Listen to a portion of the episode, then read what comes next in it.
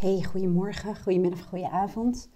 Ik neem deze podcast even op in een koude slaapkamer, want Luca die is online les aan het volgen. Het is een beetje irritant als ik daar uh, doorheen aan het podcasten ben. En uh, er ligt een dik pak sneeuw. En, en één keer werd ik vandaag getriggerd door een uh, documentaire die ik nu lekker aan het kijken ben. Gaia van Gaia, ik weet niet of je dat kent, een soort Netflix voor de persoonlijke groei en ontwikkeling. Ik weet niet of ik het goed uitspreek hoor. Maar ik ben nu net gestart met een documentaire, Supercharged heet dat. En uh, dat triggerde mij dat ik dacht, oh ja, dat was vorig jaar een van mijn primaire doelen.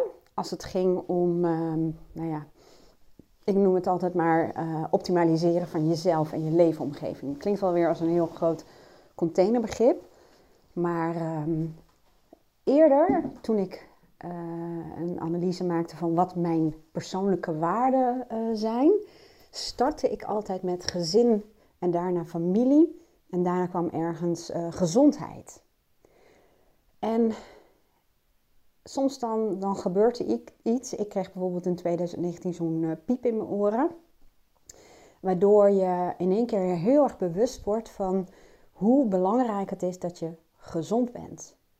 En met gezond bedoel ik zowel mentaal als fysiek.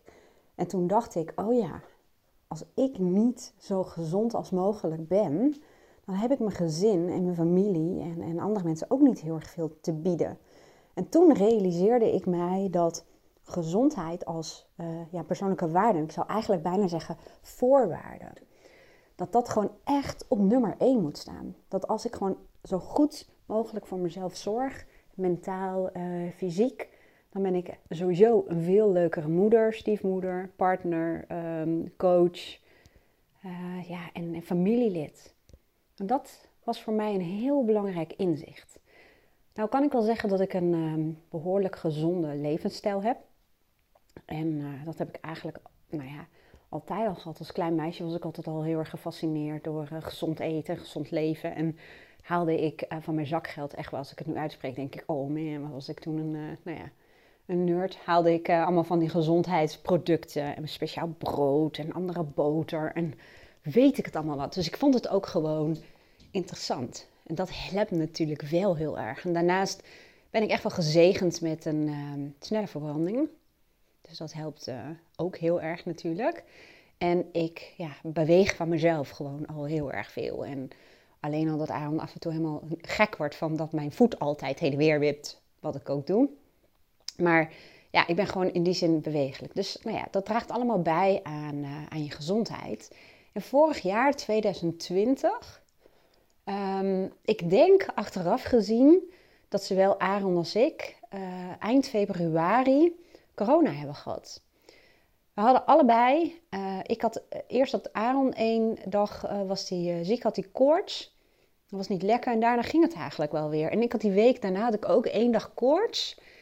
Ik was niet lekker en ik was toen ook uh, op een gegeven moment mijn, uh, mijn geur, mijn smaak en mijn geuren kwijt. Wat gewoon een hele raar gewaarwording is.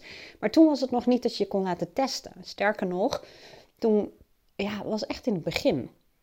En wat wij allebei hebben ervaren, is dat wij wekenlang echt een hele slechte conditie hadden. Waar ik eigenlijk ook wel een beetje bang van werd.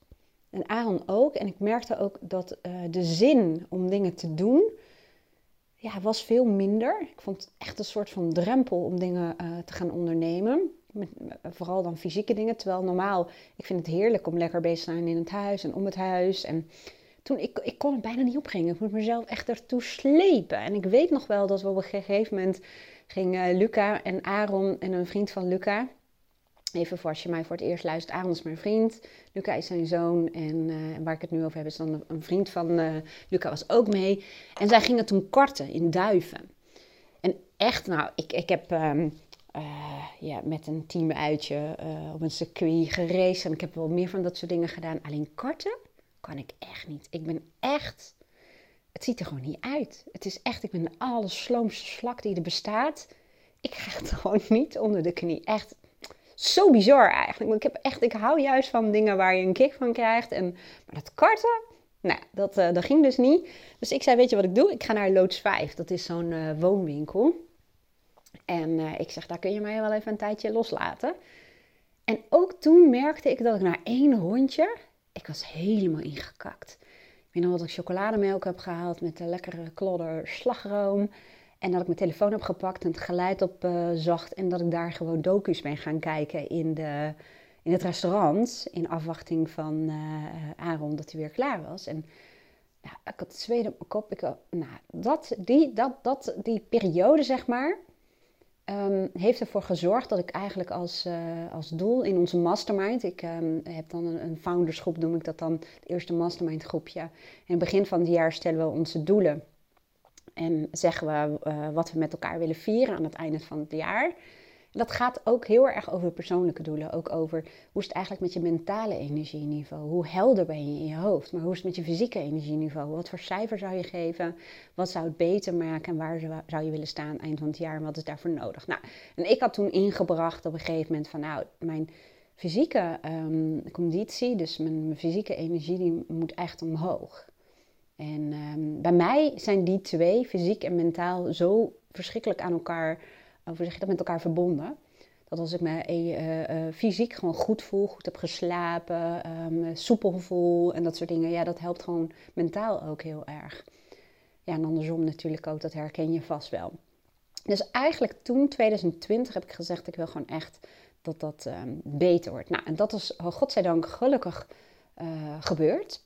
En ik heb toen ook gezegd, ik, dat doe ik ook met mijn uh, klanten, maar ook in mijn mastermind het helpt echt als je naar um, ja, goede gewoonten bijvoorbeeld zoekt, die ook voor jou wel wat prikkelend mogen zijn, maar wel haalbaar en echt bij je passen. Als je mij had gezegd, nou, ik ga naar de sportschool. Mm, nou, dat was dan waarschijnlijk de derde keer geweest dat ik een um, slapend lid was en er drie keer gewoon uh, mijn gezin had. Een sportschool is gewoon niets voor mij. En heel eerlijk, ik kan gewoon rustig stellen, ik ben geen sportief type. Maar ik hou wel heel erg van uh, bewegen, maar meer. We hebben vorig jaar in coronatijd heel veel um, in de tuin gegolfd, gegolfd, moet ik eigenlijk zeggen. Hè? En uh, we hebben slagbal gedaan en volleybal en weet ik veel. En dat vind ik wel heel erg leuk, maar ik vind dat meer ja, spelenderwijs, zullen we maar zeggen. En ik hou ook echt van competitie, dat vind ik ook heel erg leuk. Maar ik vond het gewoon leuk om te doen. En um, ik heb toen voor mezelf bedacht, ja, voor mij gaat het gewoon helpen om um, bijvoorbeeld echt heel veel om het huis te doen. En nou lukt dat wel, want we hebben een, eh, een behoorlijke uh, tuin, dus is altijd wat te doen. Om um, ja, lekker veel in het huishouden te gaan doen. Uh, hier hou ik ook van. We hebben ook hele grote ramen om gewoon regelmatig ramen te wassen. Dus ik heb eigenlijk mijn extra portie beweging gezocht in de dingen die ik al heerlijk vind om te doen. En waarom vind ik dat soort dingen heerlijk om te doen? Omdat je ja, voor mijn gevoel doe ik dan iets met mijn handen en ben ik ook uit mijn hoofd. Dat werkt voor mij gewoon. Vaak beter dan niks doen en een beetje voor mij uit zitten staren. Dat lukt ook wel eens, maar gewoon lekker bezig zijn, dat helpt. En daardoor ben je eigenlijk als, ja, een soort van op een natuurlijke manier aan het uh, bewegen. Maar, en daarvoor nam ik eigenlijk deze podcast op.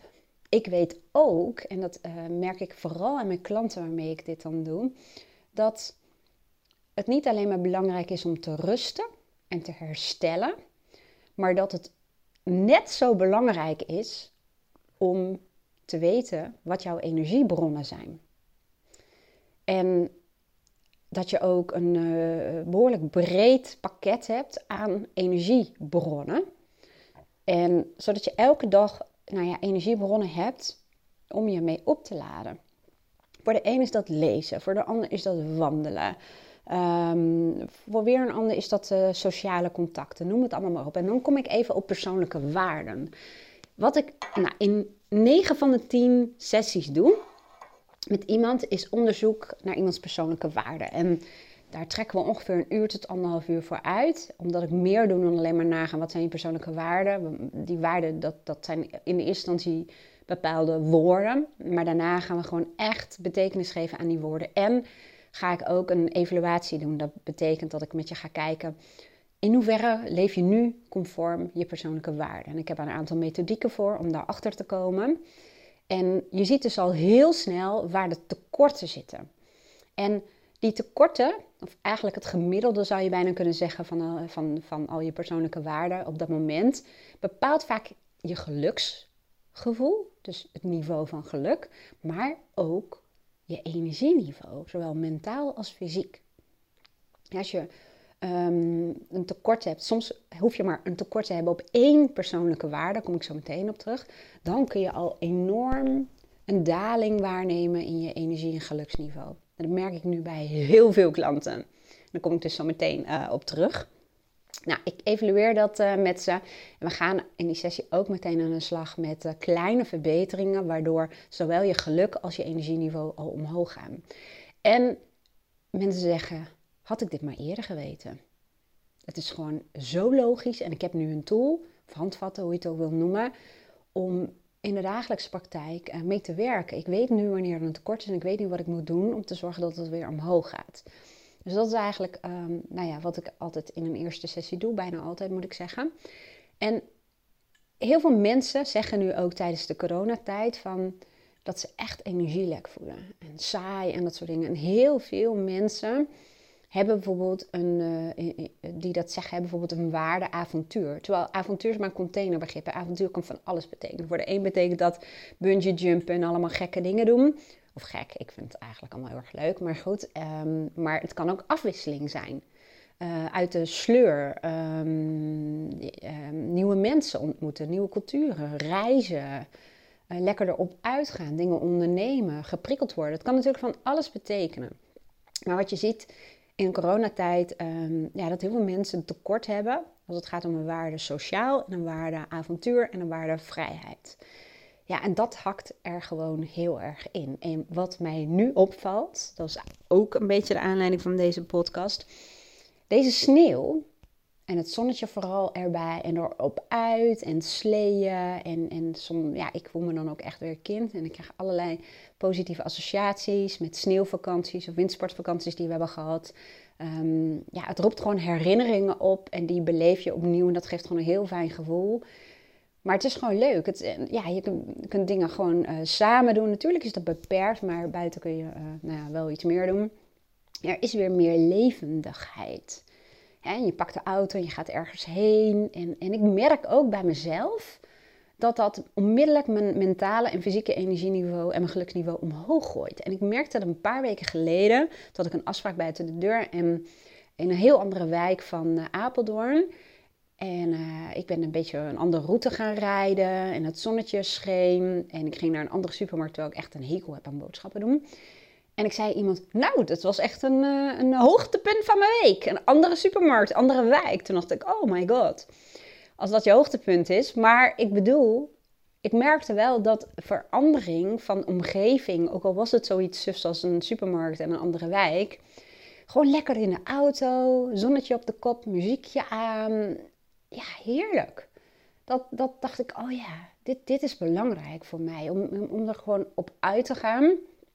En om ja, andere omgevingen uh, te zien. Um, ja, lekker wat actie.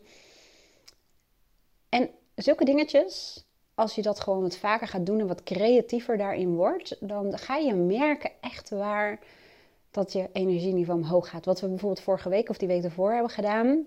Um, Aaron en Luca die, eh, die, die kwamen thuis. En uh, ik had pizza besteld. En ik zei, kom, we gaan de pizza ophalen. En we gaan gewoon ergens naar een plek waar we nog niet zijn geweest. En dan gaan we daar die pizza op eten. En dat hebben we gedaan. Dus in de auto trouwens. Maar op een hele leuke plek met allemaal lichtjes hebben we gevonden. En ja, dat was gewoon leuk. En dat is belangrijk, ja, want daar start ik ook de podcast mee alleen maar met rusten en herstellen. Dat is ook vaak onderdeel van een plan dat ik maak bij mensen eh, die een burn-out traject bij mij doen. Het is belangrijk, al gaat het om de kleine dingetjes, maar blijf jezelf prikkelen. Want het is niet alleen maar dat je geluks- en energieniveau in kan zakken. Maar wat ook nog zo is, dat, um, ja, en ik zoek even een alternatief voor het woord comfortzone. Maar uh, die heb ik even niet. Maar je comfortzone krimpt ook gewoon heel erg snel. En je brein vindt het over het algemeen wel oké en goed om jou in die comfortzone te laten zitten. Want een comfortzone is gewoon veiliger. En je brein heeft als primaire taak om jou veilig en gezond te houden. Of nou ja, veilig vooral. En, um, ja, en hoe kleiner die comfortzone is, hoe makkelijker jouw brein het heeft. Snap je een beetje wat ik bedoel? Dus je comfortzone kan ook enorm krimpen. Nou, wat is mijn advies hierin aan jou? Ten eerste, als jij al ehm, door middel van bijvoorbeeld een cursus van mij of een online programma of een coaching jouw persoonlijke waarde uh, weet, doe dan even die evaluatie. hebben we samen vaak ook gedaan. En ehm, nou ja, ik hoop dat je nog weet hoe dat werkt. Doe een evaluatie. Kijk eventjes hoe het uh, ervoor staat. Neem opnieuw ook even door wat zijn je persoonlijke waarden. En kijk ook even of dat nog steeds zo is. En probeer een volgorde van belangrijkheid uh, aan te houden. Dat, het gaat ook om bewustzijn, om er bewust mee bezig te zijn. En uh, nou, misschien kun je je vision board weer, uh, weer eens bijwerken. En ga eens kijken, dat noemen ze ook schaalvragen. Uh, als er tekorten zijn of cijfers dat je denkt, nou dat is niet een tekort, maar wel hoog, of wel laag cijfer. Um, ja, wat zou, stel dat iets een 6 is, wat zou het een 7 maken? Hè? Wat kun je doen?